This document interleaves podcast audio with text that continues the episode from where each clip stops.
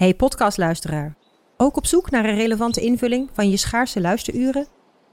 Tune dan in op de podcastserie ESG, even samengevat van BNP Paribas. Wij, Marloes en Aldert, spreken daar duurzame voorlopers en wereldverbeteraars. Waarover dan? Nou, bijvoorbeeld of we ooit duurzaam kunnen gaan vliegen. En waarom koeien in de stad nou een goed idee is? Dat en meer elke twee weken in een nieuwe aflevering. Dus abonneer je. ESG, even samengevat.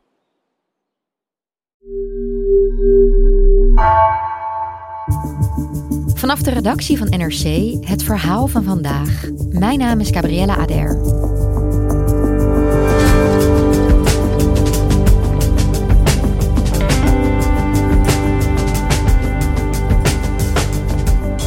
Anderhalve week geleden werd OpenAI-topman Sam Altman ontslagen. Totale verrassing voor iedereen, juist omdat het zo goed gaat met het bedrijf achter de succesvolle chatbox ChatGPT. Inmiddels is hij weer terug. Hoe zit dat? Tech-redacteur Stijn Bronswaar legt uit waarom deze interne strijd voor iets veel groter staat.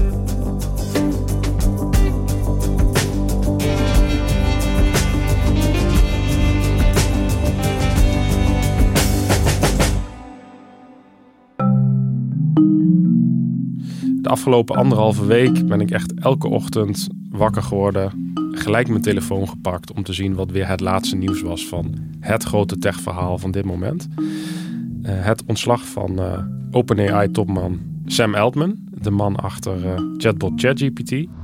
The tech world has been thrown into chaos over the weekend when the company that gave us ChatGPT fired its CEO. Op vrijdag 17 november, precies om 12 uur in de middag, krijgt Sam Altman een uitnodiging voor een Google Meet videogesprek met het bestuur van OpenAI. En hij krijgt daar binnen een paar minuten te horen: je bent ontslagen. Just two weeks after making this bold promise. As intelligence gets integrated everywhere, we will all have superpowers on demand. Dit was echt een complete verrassing voor iedereen en niet in het laatst voor hemzelf. Twee dagen na zijn ontslag gaat hij weer in gesprek met het bestuur over een terugkeer. Good morning. The last three days have been unlike anything I've seen covering tech. Over the weekend, it looked like Sam Altman could come back to OpenAI, but talks collapsed. Dat is te vergeefs, want hij vertrekt juist naar Microsoft, de grootste investeerder van OpenAI. The biggest investor in OpenAI has hired him for their own research team and added a second. Een dag later is er weer een nieuwe wending. Dan alle personeelsleden van het hele bedrijf, daar werken zo'n 700 mensen, tekenen een petitie waarin ze hun steun betuigen aan Altman. Dus ze zeggen, wij gaan ook naar Microsoft als hij niet mag blijven. All right, Sam Altman back as CEO of OpenAI, bringing an end to a dramatic standoff and an employee revolt uh, days after the board. Ja, en dan is de soap helemaal compleet, want Sam Altman keert gewoon weer terug. Vijf dagen nadat hij is ontslagen. Eind goed, al goed zou je denken. Ja, maar het klinkt inderdaad echt super chaotisch. Wat, wat is hier aan de hand? Ja, dit, dit staat voor een grote interne strijd die uh, gaande was tussen Sam Altman en de bestuursleden. OpenAI heeft iets gebouwd waar heel veel geld mee verdiend wordt of gaat worden. Maar de grote vraag is, is dit een, nou, een enorme economische kans of is dit juist een heel groot gevaar wat daar wordt gebouwd? Help mij even. Uh, waar, waar begint dit verhaal? Waar is die interne strijd dan precies begonnen? Ja, dan moet je eigenlijk terug naar helemaal het begin van OpenAI. Dat was in 2015 is deze organisatie opgericht door een groepje ondernemers en investeerders uit Silicon Valley die zich heel veel zorgen maakten over artificiële intelligentie. Dus hun, angst was van als computers heel slim worden, dan uh, zo slim, dan gaan we ze misschien straks niet meer in de hand hebben. Dus wat we moeten doen met elkaar, en dat was Elon Musk zat er onder meer bij, Peter Thiel, dat is een hele bekende investeerder in Silicon Valley, die zeiden we gaan de technologie zelf ontwikkelen. Want als je het zelf ontwikkelt en je doet het op een goede manier, dan gaat het goed komen met die technologie. Het moet ten gunste staan van de mensheid, was de missie van OpenAI. Heel mooi, heel nobel. Heel mooi. Um, en het bestuur werd ook heel mooi ingericht. Het was namelijk een organisatie zonder winstoogmerk. En welke rol had Sam Altman daar dan precies in? Ja, hij was de, de CEO, dus de, baas. Uh, hij ging het de boel leiden. Maar had geen aandelen. Dus hij, was niet, hij zou niet heel veel gaan verdienen persoonlijk als het bedrijf heel hard zou groeien. In 2018 is dat eigenlijk omgeslagen. Sam Altman heeft toen eigenlijk aangegeven: we hebben toch meer geld nodig, want we hebben meer computerkracht nodig. We hebben En als we willen winnen van Google vooral, uh, de grote concurrent, dan moeten we gewoon geld gaan aantrekken. Er ontstaan eigenlijk twee kampen. Dus Sam Altman, die komt uit Silicon Valley, die heeft zelf heel veel start-ups gehad. Uh, die is gewoon gewend om uh, heel hard te groeien met veel geld. En er zitten dan een aantal wetenschappers in het bestuur, die zijn heel voorzichtig. Um, Wat zijn die zorgen dan? Heb je daar een paar nou, voorbeelden van? Een jaar geleden lanceert OpenAI ChatGPT. Hele scripties die worden al geschreven door kunstmatige intelligentie. En met hetzelfde gemak kun je een computer vragen om afbeeldingen te creëren. DALI 2 is a new AI system that can take simple text descriptions like a koala dunking a basketball and turn them into photorealistic images that have never. Op dat moment ontploft AI en ook binnen het bedrijf uh, ontstaan dan uh, de spanning heel erg. Er zijn een aantal heel bezorgde bestuursleden die eigenlijk bang zijn voor wat ze zelf aan het maken zijn. Er gaat zoveel computerkracht naar die AI-systemen dat die systemen dingen doen die de wetenschappers ook niet meer helemaal kunnen begrijpen. En ze trekken eigenlijk aan de rem. Uh, schijnbaar uit het niets. Uh, in ieder geval Sam Altman weet het zelf ook niet uh, dat dit speelt, maar die wordt ja, op die vrijdag gewoon ontslagen. Dat is eigenlijk een soort paniekreactie van het bestuur die zegt het moet stoppen. Maar wat geven ze dan vervolgens als officiële reden op? Dat is een heel vage verklaring, komt naar buiten. Ze zeggen dat hij inconsistent heeft gecommuniceerd. Okay. Uh, er zijn heel veel geruchten over waarom, uh, wat er nou precies zou zijn gebeurd. Uh, als je alle, en ik heb echt alle stukken hierover zo'n beetje gelezen, bij elkaar veegt, dan komt er eigenlijk op neer dat nou, het heeft gewoon te maken met veiligheid versus snelheid. dus de bezorgdheid over we gaan te rap met AI versus we moeten nu snel gaan, want anders uh, is de concurrent ons voor. Kijk, dit gaat eigenlijk over iets groters. Zeg maar. Het gaat over. Deze technologie is in handen van een aantal hele grote technologiebedrijven. Die eigenlijk vooral op uit zijn om heel veel geld te verdienen. En de overheid, dus degene die eigenlijk bepaalt hoe ver kan je daarmee gaan, die loopt totaal achter. Er zijn geen wetten, er zijn geen regels voor. En iedereen is eigenlijk een beetje in zijn eigen kelder aan het experimenteren met wat ze hier allemaal mee kunnen doen. En ja, de bedrijven die uh, zijn zichzelf eigenlijk aan het controleren in hoever ze kunnen gaan. En uh, dat zie je hier heel erg spelen. En um, dat maakt het ook extra spannend, om wat jij net al even kort aanstipte, er ook bepaalde risico's zijn. Hè? Kan je daar misschien wat meer over vertellen?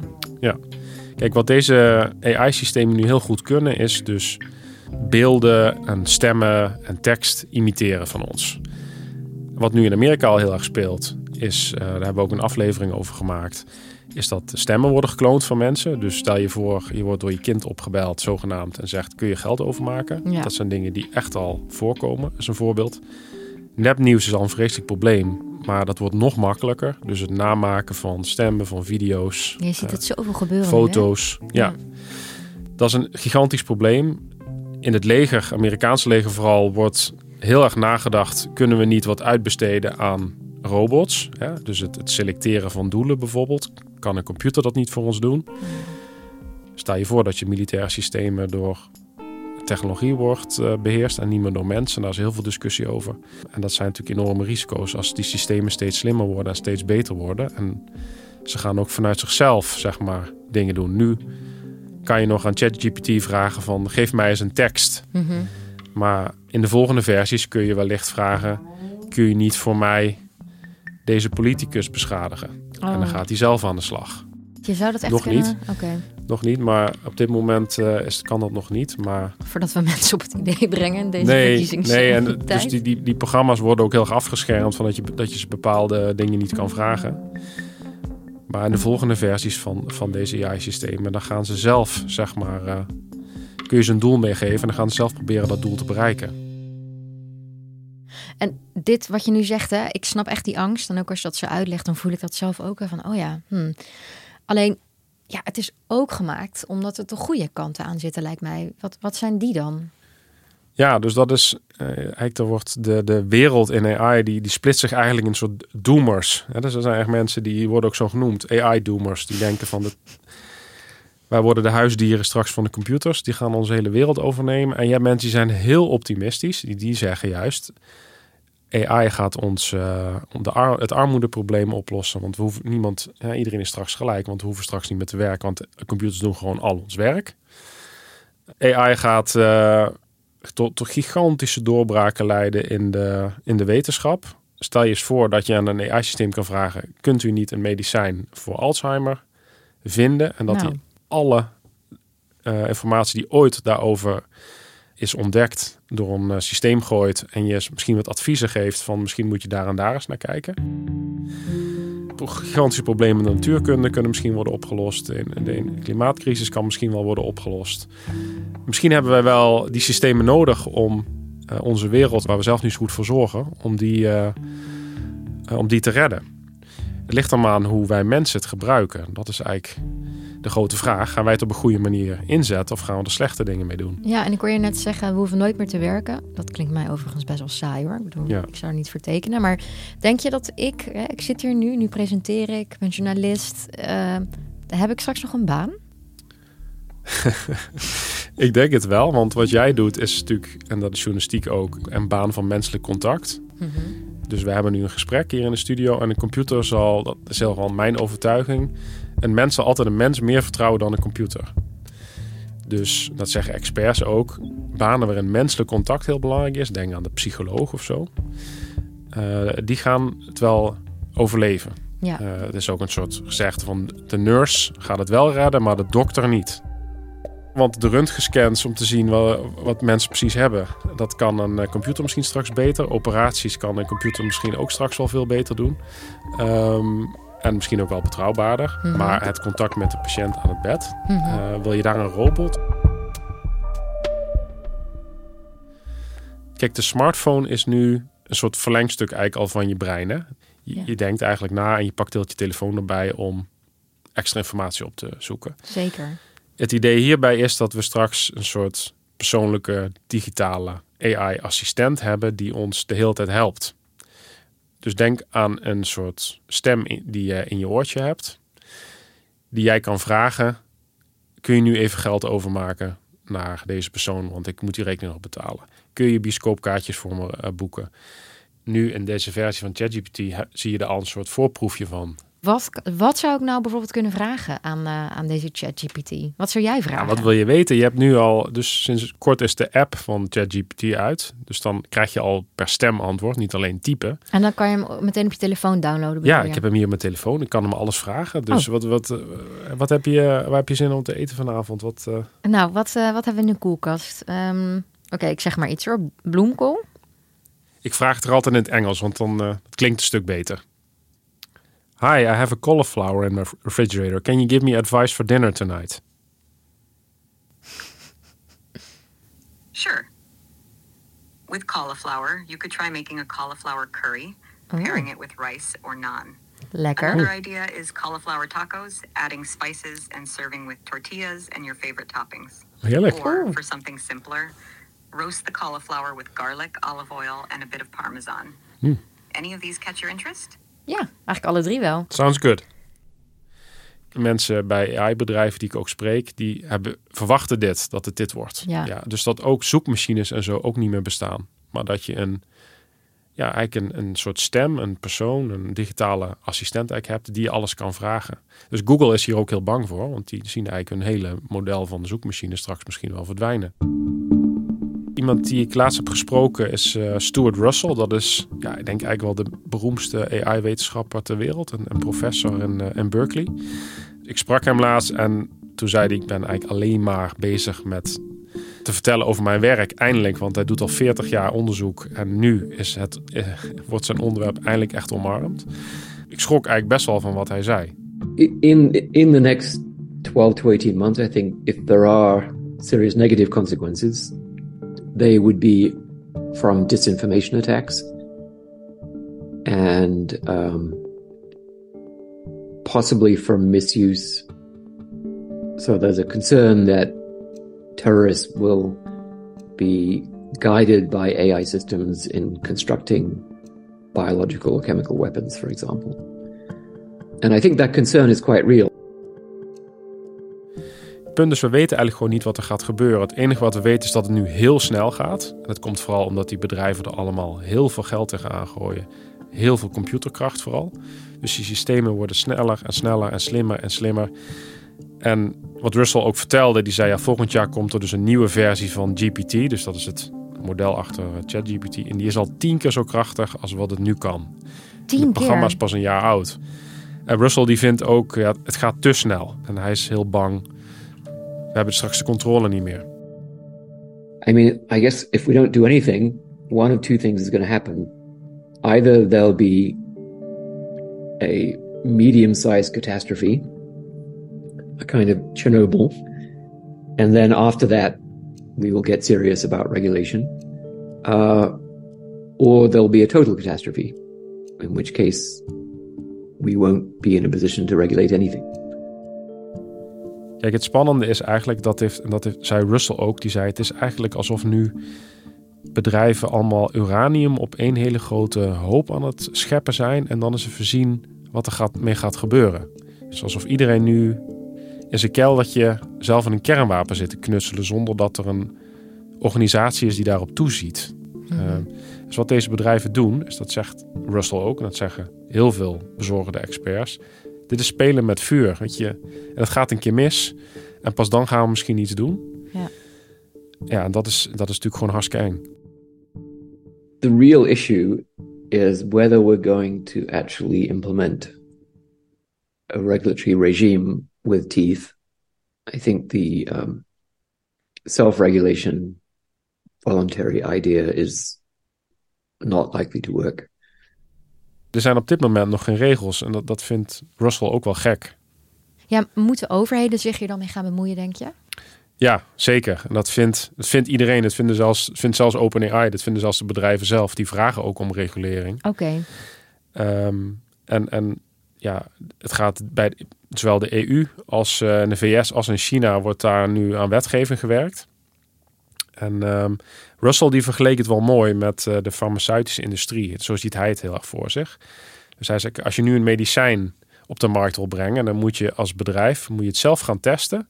En dan moet je de overheid overtuigen, het is veilig. En dan mag het op de markt worden gebracht. So I absolutely don't think it's the job of the government to find out whether the company's products are safe. It's the Right. company's job to test the medicine and present evidence that the medicine is safe. En hij vindt, zo zou het ook met AI moeten zijn. En niet wat nu gebeurt, Maar denk je dat iemand als Sam Altman dat ook vindt? Want dat, dat Nee. belemmert de snelheid. absoluut niet. Nee, want dat is echt, ja, hij is echt iemand die uit de start-up wereld komt en hoe start-ups werken. Hè, dat is ja, hoe zij, eh, Gewoon dat zit in hun DNA, is gewoon je, je brengt iets uit wat nog helemaal niet eigenlijk af is. Dan gaan allerlei dingen fout en dan ga je je product aanpassen. Ja, Stuart Russell die heeft daar een, eh, die gaat echt best wel ver in, eh, in zijn toekomstvoorspelling. Want er zijn heel veel mensen die zeggen het gaat allemaal helemaal niet zoveel veranderen. Ehm, maar Stuart Russell gelooft dat wel. En dit is dus de meest prominente AI-wetenschapper. Het is niet een of andere gek of zo, maar hij zegt... Wij wonen straks in een wereld, zo moet je het voor je zien... waarin de mens eigenlijk geen werk hoeft te doen. AI kan in principe alles. Dus ik zei tegen hem, dus wij zijn straks... We voelen ons straks misschien dan nutteloos, zei ik. Dan zei hij, nee, het is nog veel erger. Wij zijn nutteloos. We voelen ons niet nutteloos, we zijn nutteloos. Not even knowing how to do any of the things that we used to know how to do. Eh, waarom zou je nog kennis overdragen aan jouw kinderen of aan leerlingen of als een computer dat eigenlijk allemaal beter kan? Why would you spend 20 years learning to be a doctor when AI can do it in 20 seconds? Ja, nou ja, met deze eh, optimistische afsluiting wilde ik toch nog heel eventjes teruggaan naar eh, de hele soap rondom eh, Sam Altman. Want ja, ehm, hoe is het nu daarmee? Ik, gaat hij nu gewoon vrolijk verder met zijn werk bij OpenAI, terwijl de bestuursleden hem een week daarvoor nog hebben weggestuurd? Hij is gewoon terug. En het kritische bestuur, de meest kritische bestuursleden, die, eh, die zijn eh, moeten vertrekken. Oh, het is eh, omgeslagen. Ja, ja, want de druk was gewoon te hoog. Want dat, van dat bedrijf zou niks overblijven. Alle personeel zou weglopen naar Microsoft, inclusief de baas. En het bedrijf zou anders gewoon moeten stoppen te bestaan. En ja, daar komt bij dat Microsoft, die niet in het bestuur mocht, nu straks in het bestuur gaat plaatsnemen. Dus de investeerders hebben toch een voet tussen de deur gekregen om straks mee te gaan beslissen over de koers. Dus uh, uiteindelijk heeft uh, snelheid toch gewonnen ja. voor veiligheid. Nou, ik ben heel erg benieuwd naar de ontwikkelingen in zowel OpenAI als uh, sowieso AI-technologie. En um, we kunnen ons abonneren op jouw nieuwsbrief hè, om meer informatie erover te, te ontvangen. Ja, elke vrijdagochtend een AI-nieuwsbrief op de website van NRC. Kun je er alles over vinden. Dankjewel, Stijn. Alsjeblieft.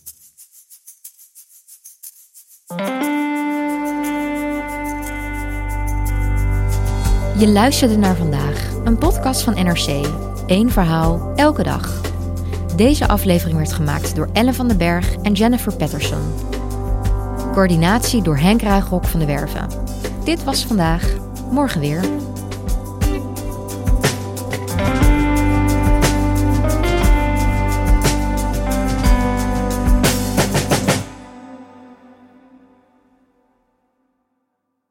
Technologie lijkt tegenwoordig het antwoord op iedere uitdaging. Bij PwC zien we dit anders. Als we de potentie van technologie willen benutten, kunnen we niet zonder een menselijk perspectief. Human-led, tech-powered noemen we dat. Ga naar pwc.nl.